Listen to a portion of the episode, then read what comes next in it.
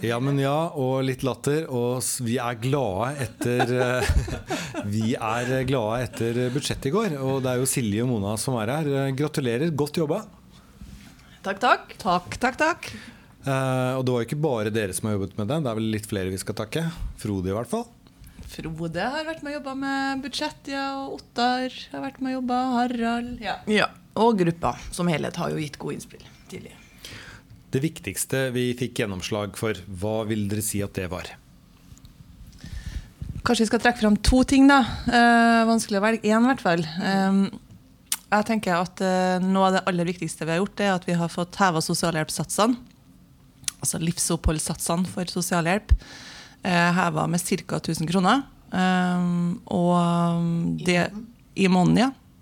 Det betyr at eh, folk som har fryktelig lite penger, får eh, noen flere dager i måneden der de ikke trenger å bekymre seg for eh, om de har til smør på brødskiva. Oi, må ha på lydløs på telefonen, kanskje. Nei da, det vi er alltid spente på hvor mange meldinger du får i løpet av 20 Men det, var, det var en viktig sak for oss. Da ligger Trondheim på nivå med, med Oslo og Bergen. eh, Og vi ligger ca. 1000 kroner over de statlige veiledende satsene for livsopphold. Så det er et eh, bra og historisk løft for sosialhjelpsmottakerne i Trondheim. Så det er vi fornøyd med. Så det betyr at vi har ligget under Oslo og Bergen før?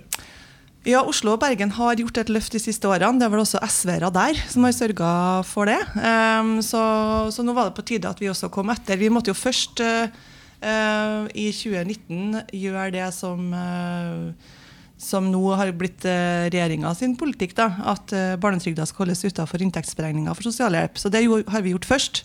Mm. og så har vi deretter heva satsene. Så til sammen i løpet av de fire årene vi eh, har vært med og styrt nå, så blir det ganske mange millioner, rundt 80 millioner faktisk, mer inn i sosialhjelpsbudsjettet da, enn det har vært tidligere. Nydelig. Og så er det vel bolig. Og så er det bolig. En boligrevolusjon kan vi jo egentlig kalle det. Vi, eh, jo, vi har jo tomgangstap i dag. Det betyr at vi har leiligheter som står tomme. Og samtidig så har vi flere familier som venter på å få kommunale boliger. Eh, Så nå gjør vi noen grep for å fylle de leilighetene med folk. Enten eh, bygge de om så de passer til familier, eller samarbeide med boligstiftelser for å få andre folk inn der. Eller kanskje selge de. Men uansett av alle de tinga så skal vi også bruke mer penger på å kjøpe nye leiligheter. Ja. Så det, dette er jo to eh, veldig viktige sosiale innretninger som egentlig da passer SVs politikk. Altså her eh, får man ned forskjellene. Ja, det gjør vi. Helt, eh, helt konkret og direkte. Og så blir det veldig spennende å se i løpet av neste året da, hvordan den boligpolitikken som nå er vedtatt, slår ut. Vi kommer til å følge nøye med. Men det aller viktigste, kanskje, som har betydning for, for folk i første omgang, er jo at de 67 familiene som venter på å få større kommunal bolig, eller å få kommunal bolig som er, er ja, som står og venter på det nå, da, at de faktisk eh, skal få det eh, i løpet av eh, kort tid. Fordi at kommunen skal gå bredere ut når de leter etter eh, familieboliger. De skal kikke etter både leiligheter i blokk, de skal kikke etter rekkehus i sameier og borettslag og eneboliger, faktisk. Mhm. Men én ting som jeg lurte, lurer litt på, det er eh, kommunale boliger. Yes, det, man, eh, man har veldig mange kommunale boliger i, hos kommunen, og så har man også boliger fra stiftelser. Og sånn F.eks. Trondheim boligstiftelse, så handler det jo veldig mye om eh, en, den tredje boligsektor og sånne ting. At man skal få lange leieavtaler, og at man kan få lov til å gjøre hva man vil i uh, leiligheten, altså innvendig de fire veggene. Og således at man ikke, egentlig ikke leier, men man får et hjem. For det, det er vel også en av utfordringene med å liksom få en kommunal bolig. At man egentlig er stigmatisert med at man egentlig ikke har et hjem. Fordi det er veldig lite man får lov til å gjøre. Ja, Vi har jo sagt nå, eh, også i den boligpolitiske planen vi vedtok i fjor, men vi har gjentatt i budsjettet nå at man skal samarbeide med, med boligstiftelser om eh, hvordan vi bruker de kommunale boligene. Så en måte å gjøre det på kan jo være at boligstiftelsene leier de av kommunen og leier de videre på sin måte til sine, sine kunder eller uh, sine folk. Trondheim har jo en veldig sånn, eh, god mulighet til å få til å etablere en større eh, tredje boligsektor. Eh, vi har jo allerede eh, Svartlamoen med boligstiftelse, og så har vi flere boligstiftelser i tillegg til Trondheim da, eh, boligstiftelse, som du nevner. Så har vi også flere andre stiftelser som eier en del boliger i eh, Trondheim. Og de har jo liksom gamle statuetter, på en måte, gammel, gammelt eh, regelverk som de opererer etter. Sånn at det skulle være sjømannsenker, f.eks., som mm. de skulle ordne boliger til. Ikke sant? Som er litt sånn gammeldags og utdaterte mm, måter på en måte de, eh, de, har et regelverk for hvordan de håndterer sine boliger. Da, og Der kan kommunen og stiftelsene samarbeide mer eh, om å lage en tredje boligsektor, der folk får leie bolig over litt lengre eh, tid. Og som du sier, får lov å disponere boligen kanskje litt mer på sin måte enn man gjør i andre leieobjekter, da, både kommunale og private eh, leiligheter som man leier, er det jo ganske store begrensninger på hvor mye på måte, du får lov å gjøre. da. Men så har vi jo også sagt at de kommunale leiekontraktene skal bli lenger nå. De skal ikke være så korte som tre år. Særlig for barnefamilier så skal, en, eh, så skal de vare i opptil ti. Eller har vi sagt minst ti? Ja. Så over til miljø. Fikk vi noen seire der? Ja da, det er et godt, eh, absolutt et godt eh, klima- og naturbudsjett, hvis en kan dele opp miljøet på det. Eh, vi, har, eh, vi, skal ansette flere som jobber med klima og natur utafor Miljøenheten. Miljøenheten er ganske stor i Trondheim og har mange gode folk med høy kompetanse. Men vi ser at på de andre enhetene som leverer saker til oss, så kan det mangle en litt uh, konsekvensvurdering i saken. Hva, hva, betyr dette? Rive et hus, f.eks. Hva betyr dette for klimautslipp? Mm. Så, um, så, vi har um, fått flere stillinger nå, eller vi legger det inn i budsjettet. da flere stillinger på de andre enhetene, sånn at de også kan jobbe med konsekvenser for klima og natur. Men det betyr altså, hvis jeg var en byggherre og jeg hadde kjøpt en gammel fabrikk og ville rive den for å bygge en ny ting, så eh, kommer kommunen eh, nå til å si nå må du regne ut klimaregnskapet på å rive denne betonggården. Det teller faktisk med om du skal få lov til å bygge noe nytt. Ja, det har vi sagt. Eh, det skal det. Ja. Mm, og det blir veldig viktig for oss, for vi ser at flere av eh, sakene eh, hvor vi kan gjøre en forskjell på klimautslipp, ikke behøver å koste oss penger, for det handler om hva vi tillater at utbyggere gjør. Ja, det syns jeg er en veldig god, godt mm. vedtak. Mm. Men, men, hvis man er litt sånn altså, Den store tingen som hadde monnet, er vel anlegget på Heimdal og sånne ting? Ja, fjernvarmeanlegget. Mm. Det er jo en, den største kilden vi har til utslipp i Trondheim, men den eier ikke Trondheim kommune lenger. Det er staten. Så det vi kan gjøre der, er eh, det, mye det Miljønetten Miljøenheten og klimaavdelinga der gjør allerede. De, er, eh, de, samarbeider godt med Statkraft om forskjellige prosjekter eh, og det å sette fokus på hvor viktig det er at Statkraft får de pengene fra staten de trenger for å eh, få til et karbonfangstanlegg. Men klarer vi miljømålene våre? Vi ligger an til å klare det målet SV kjempa gjennom eh, i starten av vår periode, som sier at når vi eh, går til valg, så skal vi ha kutta 25 eh, av, de, eh, av utslippene. Ja, i Også, kommunen. Altså de kommunale utslippene. Ja. ja. Og så ikke bare kommunens utslipp, da, men altså innenfor kommunegrensa òg. Okay, ja. ja. Og så er jo målet å kutte 80% i 2030. Ja, Så det må skje noe magisk? Det må, det må skje noe magisk da. Og det, det, er jo lovende nå med et SV som uh, stiller gode krav i budsjettforhandlingene i staten. Hvordan var forhandlingene? Altså, det, hvor lang tid tar, tar sånne ting? Var det utsettelser? Hadde dere problemer underveis? Eh, er det noe dere kan dele fra liksom, de indre gemakker? Ja, i, i budsjettforhandlinger så er det alltid en god del ting som vi ikke kan, eh, kan dele. Men det som var spesielt i år, var jo at vi hadde superkort tid på å gjennomføre forhandlingene. For det første fordi vi fikk forslaget fra kommunedirektøren senere enn vi har brukt å gjort. Også fordi vi har hatt regjeringsskifte, så vet man ikke helt heller hva som på en måte er grunnlaget for kommunebudsjettet. For det kommer jo an på hvordan statsbudsjettet slår ut. Så når vi da i tillegg på en måte hadde SV som skulle inn og forhandle sentralt med Arbeiderpartiet og Senterpartiet, så ble det liksom ekstra komplisert egentlig da, å sette sammen eh, budsjettet. Man må liksom anta en del ting. Mm. I tillegg til at man også har utfordringer knytta til pandemi og utgifter til det, som heller ikke var helt avklart når vi satt og forhandla om kommunene kom til å få kompensasjon for uh, de ekstrautgiftene man har pga. pandemien. Da.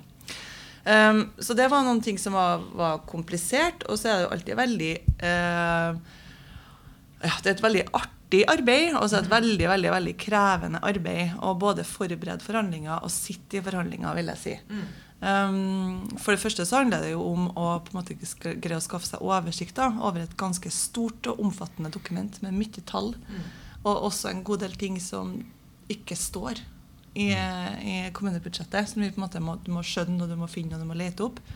Um, vi starta tidlig eh, med å stille mye spørsmål. Og jeg tror kanskje jeg fortsatt har rekorden i å stille spørsmål til kommunedirektøren for å få på en måte mer grunnlag for det som står der. Mm. Eller få gjort utregninger på satsinga som vi har gjort. Så det er jo sånn vi jobber da. Først det handler det om å sette seg godt inn i budsjettet. Eh, få involvert flest mulig i bystyregruppa og også medlemmene i arbeidet. Um, så få tenkt ut hva er det som er viktig at vi følger opp av uh, ting som står i plattform, i arbeidsprogram. Uh, og hva er det som er aller, aller viktigst for innbyggerne i kommunen at vi får til denne gangen. Mm. Um, og så har vi jo en god del samtaler samtaler, møter uh, og e-poster som vi får, som handler om innspill fra fagforeninger og andre. da. Mm. Mm. Ja, jeg bare føler at det, det sikkert er veldig mye kult som skjedde som ikke vi kan høre om. Men um du er ikke på Morten Woldens Hall of Fame, da? Med antall spørsmål, liksom? jo, det tror jeg faktisk. Fordi ja. eh, antall spørsmål Det er jo ikke noe negativt å stille mange spørsmål. Det gjør jo også at direktøren får fram ting de ikke har fått. De har jo en begrensa tid på lagbudsjettet, de òg. Ja. Og de har en begrensa antall sider de skal, skal, Selv om det er på 700 sider, så prøver de å holde det kort og konsist. Så jo mer vi spør, jo mer får de sagt. Ja. Så det, da, han, er, han, er, glad i deg, med andre ord. Men, men eh, en ting vi har glemt eh, å snakke om, som jo også er en seier som dere har snakket om før i podkasten, er jo brukerrom. Yes!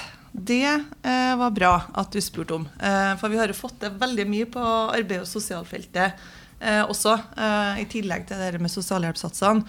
Um, og det med brukerrom for rusmiddelavhengige har vært en viktig sak for oss, som vi har hatt med oss fra um, vi jobba med arbeidsprogrammet. Eh, det er jo et, eh, et, eh, rom skal, der rusmiddelavhengige skal kunne komme og få hjelp til å få inntatt rusmidler på en forsvarlig måte og bli observert av helsepersonell. Og også få annen type helsehjelp og samtaler. Og også få hjelp til å eventuelt liksom, gjennomføre bytte av rusmidler til mindre skadelige måter å innta rusmidler på. Da. Mm. Eh, så det er mm, Sånn type brukerrom har man i Bergen og man har det i Oslo, men man har det ikke i Trondheim. Eh, vi har tatt initiativ til det. Det har blitt eh, vedtatt i bystyret at vi skal ha et brukerrom. Så har det blitt satt ned arbeidsgruppe som har jobba fram en rapport som sier noe om hvordan dette kan gjøres i Trondheim. Men så hadde ikke kommunedirektøren funnet penger til det i budsjettet. Så det var litt sånn nedtur i utgangspunktet. Men så greide vi å forhandle fram at eh, det blir satt av penger til det. Så i løpet av 2022 eh, så vil vi ha det på plass i Trondheim. Så, men det er fascinerende å bare tenke på at liksom, veldig mye av jobben handler om å få Trondheim opp på Oslo- og Bergensnivå. Altså, satsene er nå kommet opp på Oslo- og Bergensnivå. Eh, brukerrommet har vi endelig fått. Og endelig så har vi fått et middelmådig fotballag òg, som både Bergen og Oslo har. Men det går ikke like dårlig med, med Rosenborg som med Brann, gjør det det? Ja. det har til og med jeg fått med meg. Ja. Men uh, er det andre ting sånn på tampen som dere føler at uh, Ja, det der var vi faktisk stolte av. En liten ting, men det, vi er kjempestolte av denne.